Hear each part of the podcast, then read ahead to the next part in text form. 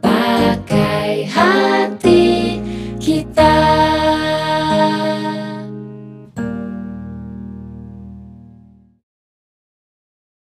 Wanna go, wanna go, wanna go. Oh. Wanna know, wanna know, wanna know. Yeah. Wanna go, wanna go, wanna go. Oh, oh. semua ikutin dong. Ayo. I wanna know, wanna know, wanna know. Sekali lagi, sekali lagi. I wanna go. Ah. I wanna go, wanna go, wanna go. Lebih keras. I wanna know, wanna know, wanna know. Go, oh, oh, oh, take me to your river. I wanna go. Terima kasih. Kevin Abraham. Halo, halo semuanya, halo semuanya. Kevin. Aduh enak banget ya suaranya. Minder. Disuruh ikut gabung lagi kita nyanyi. Kan gue deket banget nih sama ininya. Mikrofonnya jadi agak ngejauh. Ketahuan nanti suaranya.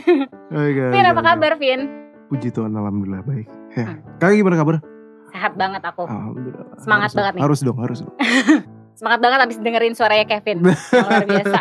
Sekarang aktivitas apa Vin? Aku untuk akhir-akhir ini aktivitas nggak banyak ya, karena lagi kondisi era pandemi ini ya. Hmm. Jadi gue paling studioan aja sih, studioan terus sama reguleran di cafe Hmm. karena gigs gede nggak ada. Jadi gue mau nggak mau karena gue harus dapur ngebul guys. Iya. Jadi supaya ya untuk bayar kosan dan lain-lain gue harus reguleran di cafe. Yes, seminggu sekali. Jangan lupa nonton gue. Kabarin aja. Kabarin. Ja- Nanti gue ya? gue nanti di ini gue di gue taruh di Instastory. Sip. Vin punya suara yang bagus, yang merdu itu kan memang pemberian Tuhan tapi bisa juga dilatih. Bisa dilatih. Kevin tuh akhirnya terjun di dunia musik itu dari mana Vin? Wah kalau dibilang panjang banget. Jadi dari awal deh. Hmm. Gue asli timur. Hmm. Gue asli K dan Pulau K itu kayak di Maluku Tenggara di dekat Samudra Pasifik. Hmm. Dan gue tumbuh lahir besar di keluarga pemusik. Kakek gue pencipta lagu pertama. Terus Oh. nenek gue gitaris, dia main kolintang juga. Nyokap gue penyanyi, masih nyanyi sampai sampai sekarang. sekarang. Sampai sekarang masih nyanyi. Dan bokap gue, almarhum bokap gue, bokap gue sebelum meninggal bokap gue DJ. Oh DJ juga. Eh DJ. Ini keluarga paket lengkap ya. DJ dan dia manajerin band band nyokap gue jadi dulu nyokap gue ketemu sama bokap gue itu karena bokap gue manajerin bandnya nyokap gue Cin- Cinlo. Terlahirlah Kevin. Terus Vin masa kecil Kevin tuh gimana? Memang udah diarahin ke musik gitu sama mama papa atau karena Gua- emang sering ikut? gue mungkin cerita dikit ya soalnya itu kayak akhirnya gue bisa terjun ke musik itu jadi awalnya gini nyokap bokap gue itu pemusik dan gue bilang tadi satu band dan mereka itu biasa manggung long trip long trip jadi kayak dia mereka bisa ke Batam itu bisa setahun oh sampai setahun. Bisa sampai setahun. Jadi kayak dua tahun gitu. Gue bisa ketemu mereka cuma hitungan jari. Sedangkan nenek gue, nenek gue itu kerja di Pemda Papua. Jadi gue tinggal di Jawa. Iya PNS. PNS. Gue tinggal sama kakek gue berdua doang di Jogja. Gue tumbuh lahir besar. Oh memang berduaan berdua. waktu banyaknya tuh lebih sama Iya dari kakek. umur dua minggu. Dari umur dua minggu. dari umur dua minggu. Gue ngerasain tuh beras tajin. Mungkin anak-anak sekarang ngerasain. Lo ngerasain ya? Oh iya iya iya. Tajin, air tajin, air tajin. Karena Lu udah ngerasain? bisa sama mama ya. Lo gak ngerasain? Enggak ya? gue tajin jadi soalnya gue di Jogja terus kayak di pelosok kayak daerah pelosoknya gue di Sleman tapi yang Sleman yang pedesaan sana gue masih kental banget budaya Jawa di keluarga gue walaupun gue orang timur ya Hmm, Vin, kan kamu dari umur dua minggu udah diurus sama kakek, Iya. sama opa ya. Iya. Berarti kamu tuh deket banget sama opa. deket banget Sorry, opa masih ada apa enggak? sekarang? opa udah nggak ada dari gue umur 12 Dari umur 12, 12 tahun. tahun 12 tahun ya. Kenangan apa sih, momen-momen apa yang masih nempel banget buat Kevin? Kalau dibilang nempel ya lo pernah mikir gak sih kalau mama lo disuruh balik ke umur berapa aja lo Ada, ada yang kalau pilihan itu Ah, gitu. pilihan kalau mama gue kasih pilihan ke lo lo balik ke umur berapa aja kira-kira lo umur berapa SMP SMA. SMA SMP SMA karena berkesan banget ya kalau gue gue balik di mana gue masih bisa lihat opa gue Hmm. karena kakek gue tuh hebat banget kita di kondisi yang susah tapi dia kemasnya tuh kayak Tetap happy. Mewah gitu, ngerti sih? Ya, ya. happy Suasananya juga berarti opa itu orang yang bersyukur, bersyukur banget ya. dan lo tau gak sih kayak gue gue kayak nahan lapar tuh minum teh cuy. Teh Lo- gula. iya Teh teh, gula teh gula gue ngerasain spite itu gue ngerasain teh gula kayak dia bikin teh gula itu jadi Kayak sesuatu yang sesuatu mewah. yang mewah gitu ngerti sih dan gue pengen balik ke zaman zaman itu sih kayak lo nggak mikirin listrik kos gitu. Token yang bunyi gitu. Kayak bete ya sih kayak bangun tidur yang lo lihat kan langit-langit gitu langit-langit kos terus kayak lo harus laundry dan lain-lain. Tapi waktu TK lo gak mikir apa-apa cuy. Kayak yang lo mikir main game kalau enggak lo menang main kelereng hari ini gitu. Ngerti sih? Ringan gitu. ringan banget sih Apa pesan opa yang nempel banget buat Kevin? yang gue ingat sampai sekarang ya dia pengen jadi pengen gue jadi musisi yang jadi gitu ngerti ya musisi yang jadi ya gue punya karya dan gue bisa didengar banyak orang Itu akhirnya yang bikin Kevin memutuskan untuk oke gue tahu apa yang gue mau gitu ya. ya sebelumnya gue sempet hilang arah dulu sih kayak gue menemukan jati diri prosesnya lama banget dan akhirnya gue nge-recall memori gue kalau kakek gue pernah bilang kayak gitu jadi kayak ya Itu yang ngebantu. mungkin ya. Vin, ini kita masuk ke tema ya. Sampai jadi Kevin yang sekarang Hmm. itu kan kayak aku, aku yang sekarang, Kevin, Hmm. Kevin yang sekarang gitu. ya Kita kan ngelewatin berbagai macam proses dan peristiwa dalam hidup gitu. ya ya Salah satunya juga memang luka. Luka itu kan bisa menguatkan, bisa juga sebenarnya dirasain sampai akhirnya kita nggak bisa bersyukur lagi gitu. Kevin tipenya yang kalau punya luka itu diselesain atau ya udah dibiarin. ini jeleknya gue sih gue biasa menyimpan kutuk karena luka itu kan kutuk kan luka itu sesuatu hal yang istilahnya kalau kita nggak sembuhin luka itu itu bakal jadi ini dia bakal terus ada terus ada terus ada terus. Jadi unfinished business yang gue bilang tadi. Ya gue justru jujur banyak banget unfinished business di hidup gue. Mungkin semua orang ngalamin ya unfinished business gitu ya. Luka yang belum terselesaikan gue banyak banget. Luka yang paling gue rasain mungkin ya Hmm, kehilangan bokap gue gue baru aja kehilangan bokap mungkin. Tahun kemarin ya. ya tahun kemarin. Juni eh Juli eh Juli Agustus September Oktober November Desember Januari. Tujuh bulan tujuh lalu. bulan lalu. dan itu masih fresh banget rasanya.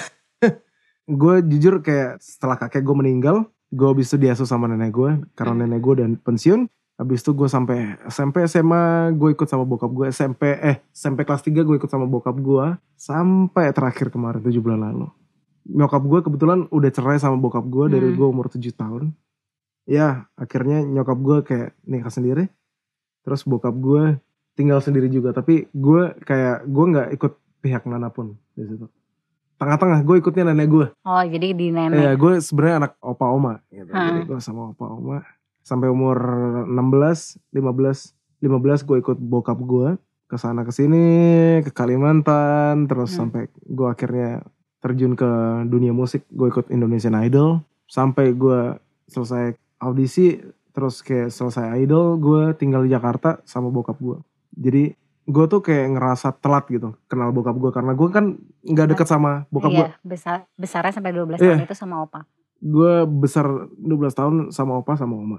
Gue ngerasa telat banget. Gue bisa kenal bokap gue tuh umur 16. Kayak ngerasa ngerti ada ngerti yang sih kayak kenal kenal bener-bener kayak gue Sedekat itu. sedekat itu sama bokap. Gue tinggal di Jakarta sampai gue kadang-kadang nggak ada duit itu terus- di Jakarta sama bokap. sama bokap nggak ada duit terus kayak bokap gue kebetulan manajer gue jadi kita gue Oh. ngerasain gue ngera, dia ngerasain kalau mau gue lagi nggak ada duit dia juga Dia yang paling tahu. Iya dia yang paling tahu. Jadi kayak karena kita ya kita tim. Jadi kalau Hmm. kita nggak makan, kita nggak makan bareng-bareng. Kita kalau lagi ada duit, ya kita ada duit bareng-bareng gitu. Dan ngerasain banget rasanya kehilangan. Karena gue ngerasa kayak gue telat aja sih untuk Untuk kenal lebih gitu. Punya bonding lebih deket sama Iya untuk bokap. bonding. Ini bisa dibilang tuh pertama deketnya sama opa Iya. umur apa. 12. Terus Kevin di iya dirawat. tinggalkan ditinggalkan opa. Yang ditinggalkan opa. Itu pasti ada luka buat Iya. Kevin tersendiri. Iya. Terus lanjut ada penggantinya opa nih. Oh, yaitu papa. Papa ada Nah, itu papa. langsung masalah papa. Iya. Kejadian lagi. Ya kejadian ditinggalin Ditinggalin lagi. dan menurut gue sih kayak sosok bokap sih bapak gue ditinggalin sih berat banget soalnya yang nge-build gue gue bisa jadi Abraham Kevin gue bisa pakai baju mungkin gue nggak tahu sih gue bisa menurut Dari kalian- gaya baju. dari gaya baju Yang ngajarin pede. Iya biar pede nyanyi gitu ya. dan lain-lain walaupun dia nggak bisa nyanyi ya dia nggak bisa nyanyi Hmm. tapi dia bisa Karena dia terbiasa dia juga. ngajarin dia ngajarin gue untuk jadi orang yang keren gitu keren sih. Hmm. Terus prosesnya prosesnya tuh berapa lama, Vin? prosesnya berapa lama? Proses akhirnya Kevin bisa healing. Oh nggak healing.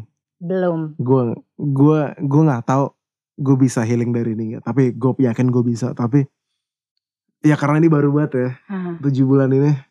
Masih meraba, masih mencari gitu ya, Vin. kalau dibilang mencari gue nggak tahu gue harus ngapain gitu. Ngerti sih kayak gue tinggal sekarang di Jakarta tinggal sendiri. Gue tinggal sendiri dan gue biasanya kayak ngobrol sama bokap gue di kamar. Terus sekarang gue nggak ada bokap. Ya gue sendiri gue sendiri banget. Tinggalnya di Jakarta sama papa ya? gue tinggal di Jakarta. Awalnya dari jadi gini gue cerita ya. Bokap gue sakit gara-gara darah tinggi hipertensi. Dan habis itu dari hipertensi dia nyerang ke ginjal. Jadi fungsi ginjalnya tuh rusak. Jadi kalau di ginjal tuh biasa ada penyaring protein. Nah penyaring proteinnya tuh nggak bisa berfungsi jadi bocor proteinnya ke seluruh tubuh Hmm. namanya itu penyakitnya namanya sindrom neo, neoprotik gue akhirnya kayak bawa bokap gue ke Jogja Oh sempat balik ke Ah, Jogja balik ya? ke Jogja karena di Jogja lebih murah untuk rumah Hmm. sakit dan lain-lain. Dan akhirnya kita ke Jogja dari 2020 akhir sampai berobatnya sampai Februari doang. Terus dia udah mendingan tuh, udah baik-baik. Terus dari Februari, Maret, April, Mei, Mei itu dia udah Nggak parah lagi. parah banget. Kakinya kecil banget karena udah kempes kan. Kakinya udah kempes terus jadi kayak tinggal tulang sama kulit dong. Tulang sama kulit. Terus dia batuk-batuk mulu. Dokter suspeknya TBC. Jadi Hmm. dia harus di Perawatan dirawat gitu. perawatan di dalam kayak semacam ruang ICU gitu. Jadi nggak nggak Oh. bisa dimasuk Gak bisa Orang nggak bisa masuk. bolak-balik jenguk gitu eh, nemenin orang ya. nggak bisa nemenin masuk gitu nggak bisa. Jadi kayak gue harus mantau bokap gue dari CCTV Ngeceknya itu berapa lama tuh Vin? satu bulan dan habis itu bokap gue meninggal. Kita cuma bisa ngobrol lewat telepon doang. Kita telepon Oh pakai gua- telepon. dia nggak bisa lihat gue. Kamu Gue bisanya gua- ngeliatnya gua dari bisa ngeliat dia. CCTV. dan ya bokap gue karena sendiri ya psikisnya udah kena Hmm. psikisnya udah kena dan dia nangis nangis isinya nangis nangis dia nggak nggak bisa makan Karena maunya ditemenin kan. maunya ditemenin terus nggak bisa makan terus kayak isinya nangis nangis gue di situ gue sebagai anak kayak lihat bokap nang- nangis gue nggak nggak bisa nangis kan karena Hmm. kita nggak nggak mau bikin hatinya Nambah. nambah down yang gue lakuin aja cuma pah bisa bisa papa bisa sembuh kita bisa kerja lagi nanti terus kayak gue bilang kayak untuk kuatin dia nanti kita liburan lagi Hmm. liburan lagi terus dia. Nyemangatin, ngasih tahu Nah, yang nyemangatin dan kasih tahu dan gue gue ngerti banget kenapa bokap gue bisa kena mentalnya gue ngerti banget kenapa dia bisa hopeless sih jadi kayak jadi ini tuh luka yang rasanya masih fresh. fresh banget bulan. Tapi kamu kan ngalamin nemenin bokap tuh Iya. lebih dari tujuh bulan itu juga gitu. dan ini ini bagian pecah sih ini pecah banget sih gue seminggu sebelum bokap gue meninggal gue ini ada keajaiban gue bisa masuk ke ruangan itu Seminggu sebelumnya. karena gue gue nungguin bokap gue itu sampai tidur di di ini di luar di luar itu di luar Aku pernah nemenin papaku juga gitu. Tidurnya nggak di dalam ininya kan. Iya. Harus di luar di depan di, lift di gitu. depan lift Hmm. gitu gue gue ngalamin tuh kayak itu sendiri cuy sendiri waktu itu delta covid delta tuh masih rame-rame ya jadi kayak memang di situ khusus rumah sakit yang khusus untuk covid di situ kayak gue bodo amat gue mati sekarang nggak masalah sih gue Udah nggak kepikiran apa-apa juga. Yang penting Hmm. gue buat bokap gitu ya. waktu itu gue pertama kali masuk gue liat bokap gue bokap gue tuh kayak udah kosong matanya kosong tapi dia liat gue dia nangis terus kayak dia bilang kamu ke mana aja malaikatku? Hmm, bap- bapak dari kemarin nyariin kamu maksudnya kamu temenin papa di sini peluk bapak. Gue nggak pernah denger bokap gue ngomong kayak gitu. Hmm. bokap gue orangnya cuek banget kan. Selama 22 tahun ini untuk pertama kalinya gue denger dia ngomong kayak gitu. Dan soalnya gue gue ada sakit mental juga gue gue ada psikosomatis dan psikosomatis itu kalau mamanya kayak let's say kalau mamanya gue lagi cemas gue bisa telepon dia gitu. nanti kita bahas Hmm. gue di situ gue pasang diri mental baja coy saat lihat lo lo lihat bokap lo sakit gitu terus dia minta tolong gue nggak apa-apa kan gue nggak apa-apa Mm. kan itu rasanya kayak ngerti kayak ditusuk gitu Iya. dan ya gue seminggu udah ketemu terus kayak Terus dua- selama seminggu itu masih bisa ketemu gak sih? masih bisa tapi kayak dibatasin gue karena bokap gue udah nggak bisa makan lagi dia cuma mau disuapin Oh karena selama seminggu sebelum papa pergi akhirnya boleh. boleh karena dia udah delusional dia Hmm. delusional dia udah kayak ngelihat weh ada orang-orang di situ ada orang-orang dia mau jahatin aku mau ambil aku gitu kan orang-orang kalau udah mau meninggal tuh kan ada ada apa ya, kayak perasaan kayak gitu ya mungkin kayak udah udah kabur mungkin karena ini apa namanya oksigen yang naik ke kepala, Kepala. kan udah dikit ya saturasi Hmm. oksigennya udah dikit Iya. jadi kayak kita bisa halusinasi dan dia udah Iya. sampai ke tahap halusinasi dia minta kayak pengen disuntik disuntik dan ya dia gue udah bisa tunjukin chatnya sih dia Oh, bi- tapi masih bisa chat. dia masih bisa ngechat wait gue tunggu ya Oke. dia dia isinya kayak kangen kamu nak di mana nak? Terus kayak teleponnya teleponnya Banyak. setiap menit setiap menit setiap menit telepon. Papa lagi parno buruan sini. Padahal gue nggak bisa ini gue Nggak bisa masuk. masuk. padahal gue kadang-kadang gue udah di situ terus kayak gue mau ke toilet terus dia telepon papa parno banget jangan ke mana-mana. Terus bibir papa kering gitu. Kering bibirnya kering kadang-kadang pengen di ini apa namanya dikasih air supaya Iya, nggak kering mau minum gitu. Heeh, jangan tinggalin papa gini, gini. Dia ngechat ngechatnya setiap hari gitu. Padahal gue di di depan kamarnya dia gitu. Dan gak boleh masuk gitu karena ya. nggak boleh masuk. Dan gue di situ kayak nangis hancur. Sebelum dia meninggal juga, gue alhamdulillah puji Tuhan, gue mungkin ngerasa beruntung karena gue masih bisa nyanyi. Gue bisa masih bisa ya nyanyi sama dia dan Oh sempat nyanyi sama mm, papa. dan gue yang paling penting sih gue gue bisa memandu dia untuk syahadat di dalam agama gue Islam. Gue Hmm. bisa mandu dia untuk syahadat lagi. Dan itu blessing buat gue sih. Dari ya. dari semua kejadian ini. dari semua kejadian ini. Eh gue nyanyi sama bokap nyanyi sama bokap gue juga. Ini dua hari nanti mungkin bisa dimasukin ke ini. Ya. ini gue nyanyi sama dia. Ini dua hari sebelum meninggal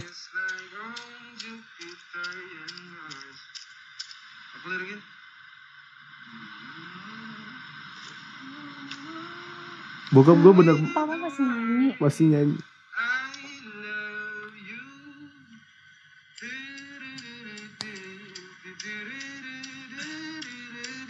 Batuk-batuk udah sesek gitu batuk-batuk.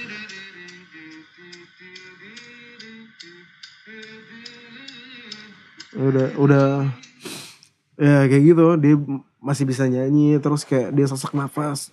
Rasanya kayak berat banget gitu Dari semua yang kamu alamin gitu proses sama opa, apalagi sama apa-apa gitu ya.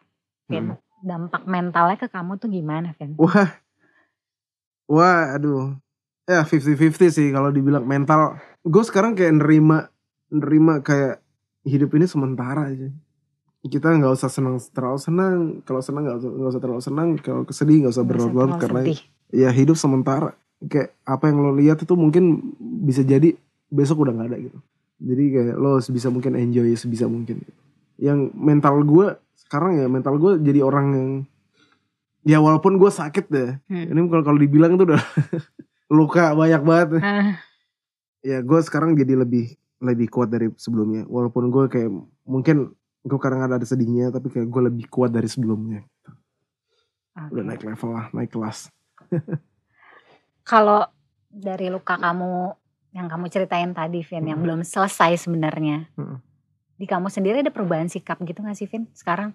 Yang tadi gue bilang sih kayak gue sikap gue untuk menanggapi ada ada hal yang istilahnya menyenangkan gue nggak boleh terlalu senang Hmm. tapi kalau mamanya kayak sedih gue nggak terlalu nggak boleh terlalu sedih gitu Boleh. aja sih Kamu tuh tetap ngerasain tapi gue tetap merasa mau merasakan terlalu. nggak nggak mau over karena sekali lagi semua itu hanya sementara gitu kayak kalau orang Jawa bilang tuh urip kui mengkoyo mampir ngombe jadi hidup itu adalah hidup tuh seperti kayak lo mampir cuma untuk minum gitu hmm, sesingkat itu gue nikmatin aja sih nikmatin itu nggak nggak boleh terlalu senang nggak boleh terlalu sedih juga gitu apa sih Vin? Kalau bisa diulang gitu. Hal apa yang sebenarnya belum kesampaian yang pengen Kevin lakuin sama papa? Wah gila sih. Banyak sih. Yang pertama gue mau nyariin dia jodoh dulu. karena dia karena dia jomblo lama banget. Dan bokap gue gaul banget sih. Ser- Asik gitu ya. asik kita sering tukar-tukaran outfit dia kadang-kadang kayak pakai sepatu gue dia dia, dia kalau keluar nongkrong sama Ah. teman-teman seumuran dia dia dia nggak tua-tua nggak tua sih sebenarnya hitungannya kalau 47 47 nggak tua ya Gaya fashion fashionnya juga sama dia gitu. pakai Jordan cuy dia pakai Jordan terus pakai skinny jeans terus pakai iya baju-baju gue gitu maksudnya. Dan kita sering tukar-tukaran baju dan gue pengen banget sih traveling sama dia terus kayak keluar terus hangout keren aja gitu ngerti sih kayak. Kita sering kayak gitu. Gue kadang-kadang tuh cuma nongkrong berdua doang. Gue Asik itu sampai jadi kayak temen gitu ya. iya. Gue dulu zaman gue sekarang udah sober ya gue udah nggak minum lagi. Dulu zaman gue minum gue minum sama bokap gue jadi ke mana-mana sama bokap gue dan ya gue ngerasa gue dididik dengan layak sih sama bokap gue gue dididik secara benar sih menurut gue sama bokap gue kan Dan ya men. kalau ada yang pengen diucapin gitu tapi belum Iya. keucap apa tuh Vin? Buat papa? wah gue nggak tahu sih banyak banget sih jujur. Nggak ada sih banyak banget sih banyak banget sih. Gue nggak bisa sebutin satu-satu sih. Yang pasti banyak karena ya gue nggak mental gue belum siap aja. Mental gue belum siap untuk kehilangan lo gitu. gue bilang kayak gitu Cielah, gue soalnya gue kalau laki sama laki-laki sama laki-laki biasa gengsi gak sih? Lo sama bokap lo biasa gengsi gak sih kalau laki-laki gengsi kayak gue bilang I love you pak gitu. Tapi gue juga Gengsi gak lo? gue perempuan pun nggak nggak kebiasa dengan itu Iya soalnya sih, nggak I gengsi love you ya sih. mam nggak gitu gue sih. kalau bisa balik lagi bokap gue let's say bokap gue hidup gitu ya gue bilang I love you pak gitu. mungkin gue bakal melokin dia lebih banyak gitu Iya. Lebih nunjukin. Lebih nunjukin kalau gue sayang sama dia gitu. sesayang itu. gue nyesel banget sih gue nyesel banget gue nggak nunjukin itu. Dan gue pengen banget ke kalian semua yang nonton di sini. Kalau lo masih punya bokap nyokap utuh kayak lo habis nonton video ini atau yang ada dari luar ruangan ini kayak lo nelpon deh. Dengan nelpon atau lo peluk dia atau say I love you or something. Atau orang terdekat lo orang yang lo paling sayang atau soalnya nggak tahu cuy mbak Iya. Bokap gue tuh- lebih bokap gue tuh cuma sebulan doang dari dari sehat-sehat terus tiba-tiba ya walaupun sebelumnya ada sehat eh malah ada sakit-sakit Hmm. tapi kayak abis itu sembuh terus kumat lagi dan kumatnya sebulan langsung nggak ada jadi ya Jadi kalau masih punya kesempatan kayak gue Iya. sekarang akhirnya ke nyokap gue ya setelah bokap gue. Fokus gue adalah nyokap gue. iya kan iya gak sih Jadi gitu. Bener, iya gak sih Karena gue takut apa yang gue pengen lakuin belum kesampaian juga Iya, gitu. bener banget bener banget. sesimpel itu gak sih? Hmm. Tadi kan Kevin juga sempat cerita kan kalau Kevin lagi kena psikosomatis. psikosomatis yes. itu orang pertama yang dicari buat nguatin tuh papa. bokap gue jadi gini psikosomatis gue jelasin psikosomatis Hmm. gue psikosomatis psiko itu adalah pikiran soma soma itu adalah badan. Jadi psikosomatis adalah pikiran yang mempengaruhi kinerja badan jadi gue tuh psikosomatis gue tuh kalau mamanya gue ngerasain sesuatu ya. Let's say kaki gue lagi kesemutan. Gue kalau mikir aduh kaki gue kesemutan kenapa ya kenapa ya? Gue mungkin gue lumpuh. Gue lumpuh beneran. Jadi kayak sampai pikiran nggak gue kuat jalan. banget sampai mempengaruhi kinerja tubuh gitu ngerti sih? Gue pernah nggak bisa jalan 4 sampai enam bulan. Gak bisa jalan. nggak bisa jalan sempoyongan gara-gara kayak gue mikir gue lumpuh. Gue lumpuh beneran cuy. Sampai lumpuh beneran gara-gara psikosomatis kalau mau kayak gue berdiri aduh nggak itu kuat, dari kuat. dari umur berapa sih Vin? gue baru-baru aja Oh, 2019 baru-baru ini banget. 2019 iya 2019 itu 2019 gue gila itu tahun terkacau terpecah sih Karena papa sakit. enggak enggak itu sebelum papa sakit Itu justru jauh sebelum papa sakit jadi Hmm. gue karena habit gue ya habit gue dulu sorry jadi gue kena psikosomatis itu karena gue habit gue gue peminum dulu ya gue Hmm. peminum dan gue over minumnya dan sampai itu ngaruh ke lambung dari lambung sebenarnya nggak masalah nggak terlalu parah. Jadi lambungnya sensitif gitu. sensitif lambungnya sensitif. Karena gue basicnya olahragawan. Gue dulu tuh atlet. Hmm. fact gue atlet. Jadi gue kena sakit tuh paling ya sehari dua hari udah sembuh. Paling lama tiga hari deh. Gue tipes aja cuma sehari doang waktu itu. Hmm. sehari sembuh. Dan waktu ini lambung ini gue lama banget. Itu kayak neraka rasanya. Kayak Itu awalnya dari si dari- lambung itu. dari lambung ini dari lambung ini. Terus gue kayak trauma gitu trauma dari lambung trauma gue kena sakit lagi Karena Nah. dari lambung kan bisa ke mana-mana kan. Ah, ah, bisa ke deg-degan Deg- jantung iya. lo ngerasain kan kalau lambung sakit. terus kayak susah, Batuk-batuk. susah, susah nafas Hmm. padahal saturasi oksigen lo 100 gue tuh sesak nafas pada saturasi oksigen 100 itu bagus banget berarti kan itu sampai kayak gitu Hmm. gue dari lambung gue trauma jadinya ini psikosomatis terus kayak gue sering-sering ini ya searching-searching gitu. Kalau mau kayak gue lagi sakit terus gue self diagnosis itu juga kayak nyumbangnya juga penyakit baru sih sebenarnya. Jadi kayak Iya, karena mikirnya iya. ngerasain apa, Iya. terus mikirnya kayaknya gue ini deh. kayaknya gue ini. Gue tahu lo tau gak gue nih gara-gara ini apa namanya? Kayak berita orang meninggal. Ada salah satu artis dulu yang kena sakit eh, tumor di otak siapa? Almarhum almarhum eh, Agung Hercu- Hercules Oh ya. waktu meninggal Hmm. itu waktu meninggal gue tuh sampai walaupun gue ada sakit nggak ada sakit itu gue sampai ke ini gue mau CT scan kepala Cuma karena berita itu. Iya. cuma gara-gara Ini kamu udah eh, psikosomatis atau belum? udah psikosomatis Oh. gue udah tahu gue psikosomatis dan gue sampai ke ini eh, waktu itu gue di lagi di Semarang manggung abis itu abis manggung gue balik ke Jakarta gue langsung mau proses CT scan. Saking takutnya itu. Terus waktu itu gue ke Tapi karena kamu CT scan gak? gue CT scan. Gue ke dokter neurologi spesialis saraf. Sampai sana gue tahu dia diapain dia ambil palu. Biasanya kalau kalau Ketok-ketok. diketok gitu. Tak tak tak tak. Sakit gak enggak gue bilang enggak terus dia bilang yaudah berarti kamu nggak sakit. Cuma digituin doang. Gue tuh gue bisa sebulan bisa sampai 10 kali cuy ke rumah sakit Tapi psikosomatis ini, sorry ya, Iya. Vin aku potong. Tapi psikos- psikosomatis ini bisa gak sih setelah kamu periksa terus enggak oh ya berarti gua nggak apa-apa gitu apa malah tetap lanjut malah tetap lanjut karena eh, kayak kadang-kadang lo lupa lo lupa itu nanti jadinya kayak kumat lagi gitu ngerti sih lupa terus oh memang nggak bisa ngontrol pikirannya nggak ya? bisa kontrol pikiran dan ya kemarin juga gue sempat psikosomatis juga karena eh, kebetulan cewek gue sahabatnya meninggal dan karena sakit jantung ya. Gue reaksi gue juga sama seperti dia. Gue kalau mau orang sakit jantung gue ngerasain juga kayak sakit sakit jantung. Terus eh, dada gue sakit akhirnya gue ke rumah sakit ternyata gue gak sakit periksa jantung. memang nggak sakit jantung. Kayak gitu rasanya kayak gitu. Itu menyebalkan sih penyakit. Penyakit menyebalkan sih. Kayak lo nggak sakit tapi lo fisik lo tuh ngerasa sakit gitu. Kamu kan selama itu kan ditemenin sama papa ya iya. setelah itu ya? Iya. Terus kamu cara nanganin setelah papa enggak gue kayak enggak ada? gue nggak apa-apa gue nggak apa-apa. Gue kayak berusaha gue nggak apa-apa gue nggak apa-apa. Iya karena kamu sebenarnya tahu kan itu kekuatan dari pikiran ya. iya.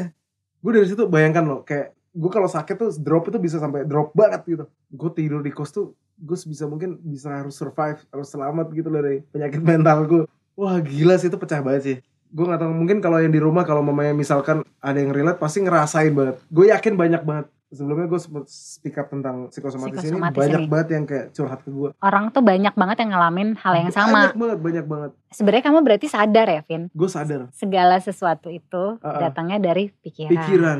Bener yang kita rasain bener banget. Bahkan penyakit aja bisa datang dari pikiran. Uh. berarti kamu setuju nggak? Kalau namanya luka tuh harus dirilis gitu. Jangan ditolak kalau ngerasain apa pun. Bener banget. Sebenarnya iya. Harus Dan- diakuin aja harus dulu. diakuin aja.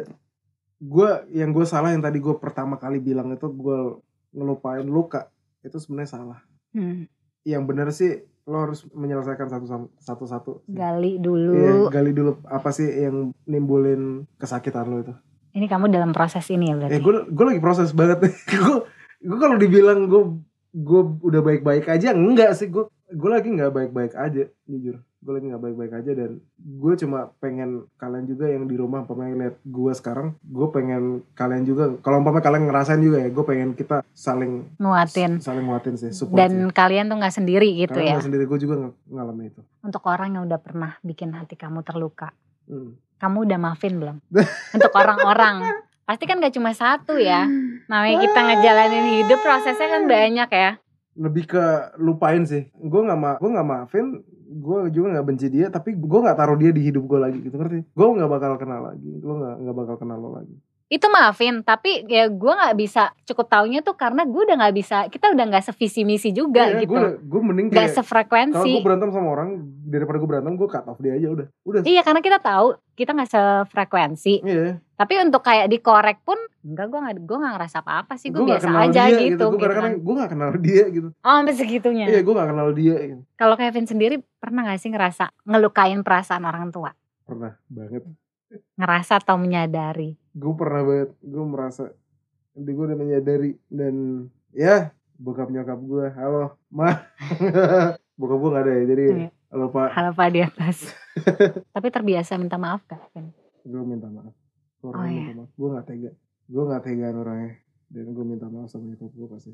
karena gue jujur gue gaya dibilang gengsi gak gengsi ya tapi kayak kalau ke orang tua Canggung. tuh iya ya canggung, Itu kata lebih lebih Cang- tepat. canggung Kayak- dan kita kayak udah tahu pasti dimaafin juga Pasti sih dimaafin. Tapi kayak gitu. canggung gitu. hmm. Iya. Kevin kalau lagi ngerasain gak enak luka gitu terluka tersakiti biasanya nyarinya siapa sih kan buat cerita gue dulu untuk cerita apa pun itu ya gue bisa cerita sama nyokap sama bokap gue hmm. gue tipikal yang kayak kalau ada lagi kenapa kenapa gue ngadu ke nyokap bokap gitu. Apa apa langsung iya. cerita. Lebih deket lagi sama bokap gue karena gue bisa cerita apa aja sama bokap gue ya ya gue bisa cerita kayak masalah percintaan terus kayak masalah kerjaan dan lain-lain. Bokap. Jadi gue nggak tahu gue cerita apa aja pasti dia punya solusinya gitu ngerti karena kan kadang kita ada di momen yang ini kan neken banget sakit banget lukanya gitu. Sampai Iya. kayak kayaknya gue nggak kuat nih kayak gue mau nyerah aja deh Iya. gitu. padahal kita tuh lagi diuji kekuatan kita sampai seberapa gitu. Sampai dipentokin Eh, dipentokin sampai mentoknya sampai ke mana Ini gitu. analoginya seperti maling tau gak? Maling. Maling itu kalau lihat tembok yang 2 meter kalau dia dipengwa sama warga bisa tapi di naik. depannya dua, cuma ada tembok 2 meter dia bisa loncat coy bisa tiba-tiba punya kekuatan untuk naik. Itu udah hukum alam ya. Kalau kita kayak udah di near death experience itu pasti kita lebih kuat gitu Dan itu yang gue lakuin. Maksudnya Jadi- kayak kemarin-kemarin gue bisa ngelewatin itu sebenarnya gue lebih kalau mau dipikir flashback kayaknya wah gila juga ya. Eh gila juga benar-benar kayaknya kalau gue mau pikirin terus ditanya lo bisa nggak ngelewatin ini? Enggak nggak gitu. bisa. Tapi Iya. waktu dicemplungin di situ keren bisa ngelewatin dan leb- beneran bikin lebih kuat ya? Lebih kuat benar-benar benar ini lucu ya. Ah Kevin Iya. terakhir. Gue mau minta tips untuk semua yang dengerin buat semua yang nonton pakai hati kita yang mungkin mengalami hal yang sama yang masih struggle juga untuk nyembuhin lukanya. Apa tips dari seorang Kevin Abraham? Selalu percaya akan hari baik. Walaupun lo ditempa dengan badai yang badai apa pun tapi lo harus percaya nanti di akhir bakal ada pelangi yang turun gitu ngerti? Ini tuh situasi ini nggak selamanya begini. Nggak selamanya begini. Pasti ada jalan keluarnya. Pasti ada jalan keluar. Oke. Hah, terima kasih Kevin Abraham untuk terima obrolannya terima kasih semuanya di sini dan mari kita saling menyemangati Oh, dan- untuk dan selalu pakai hati kita dalam segala Ah, urusan ya. asik Ya, semuanya harus pakai hati. Thank you Kevin. Yoi. terima kasih Dah.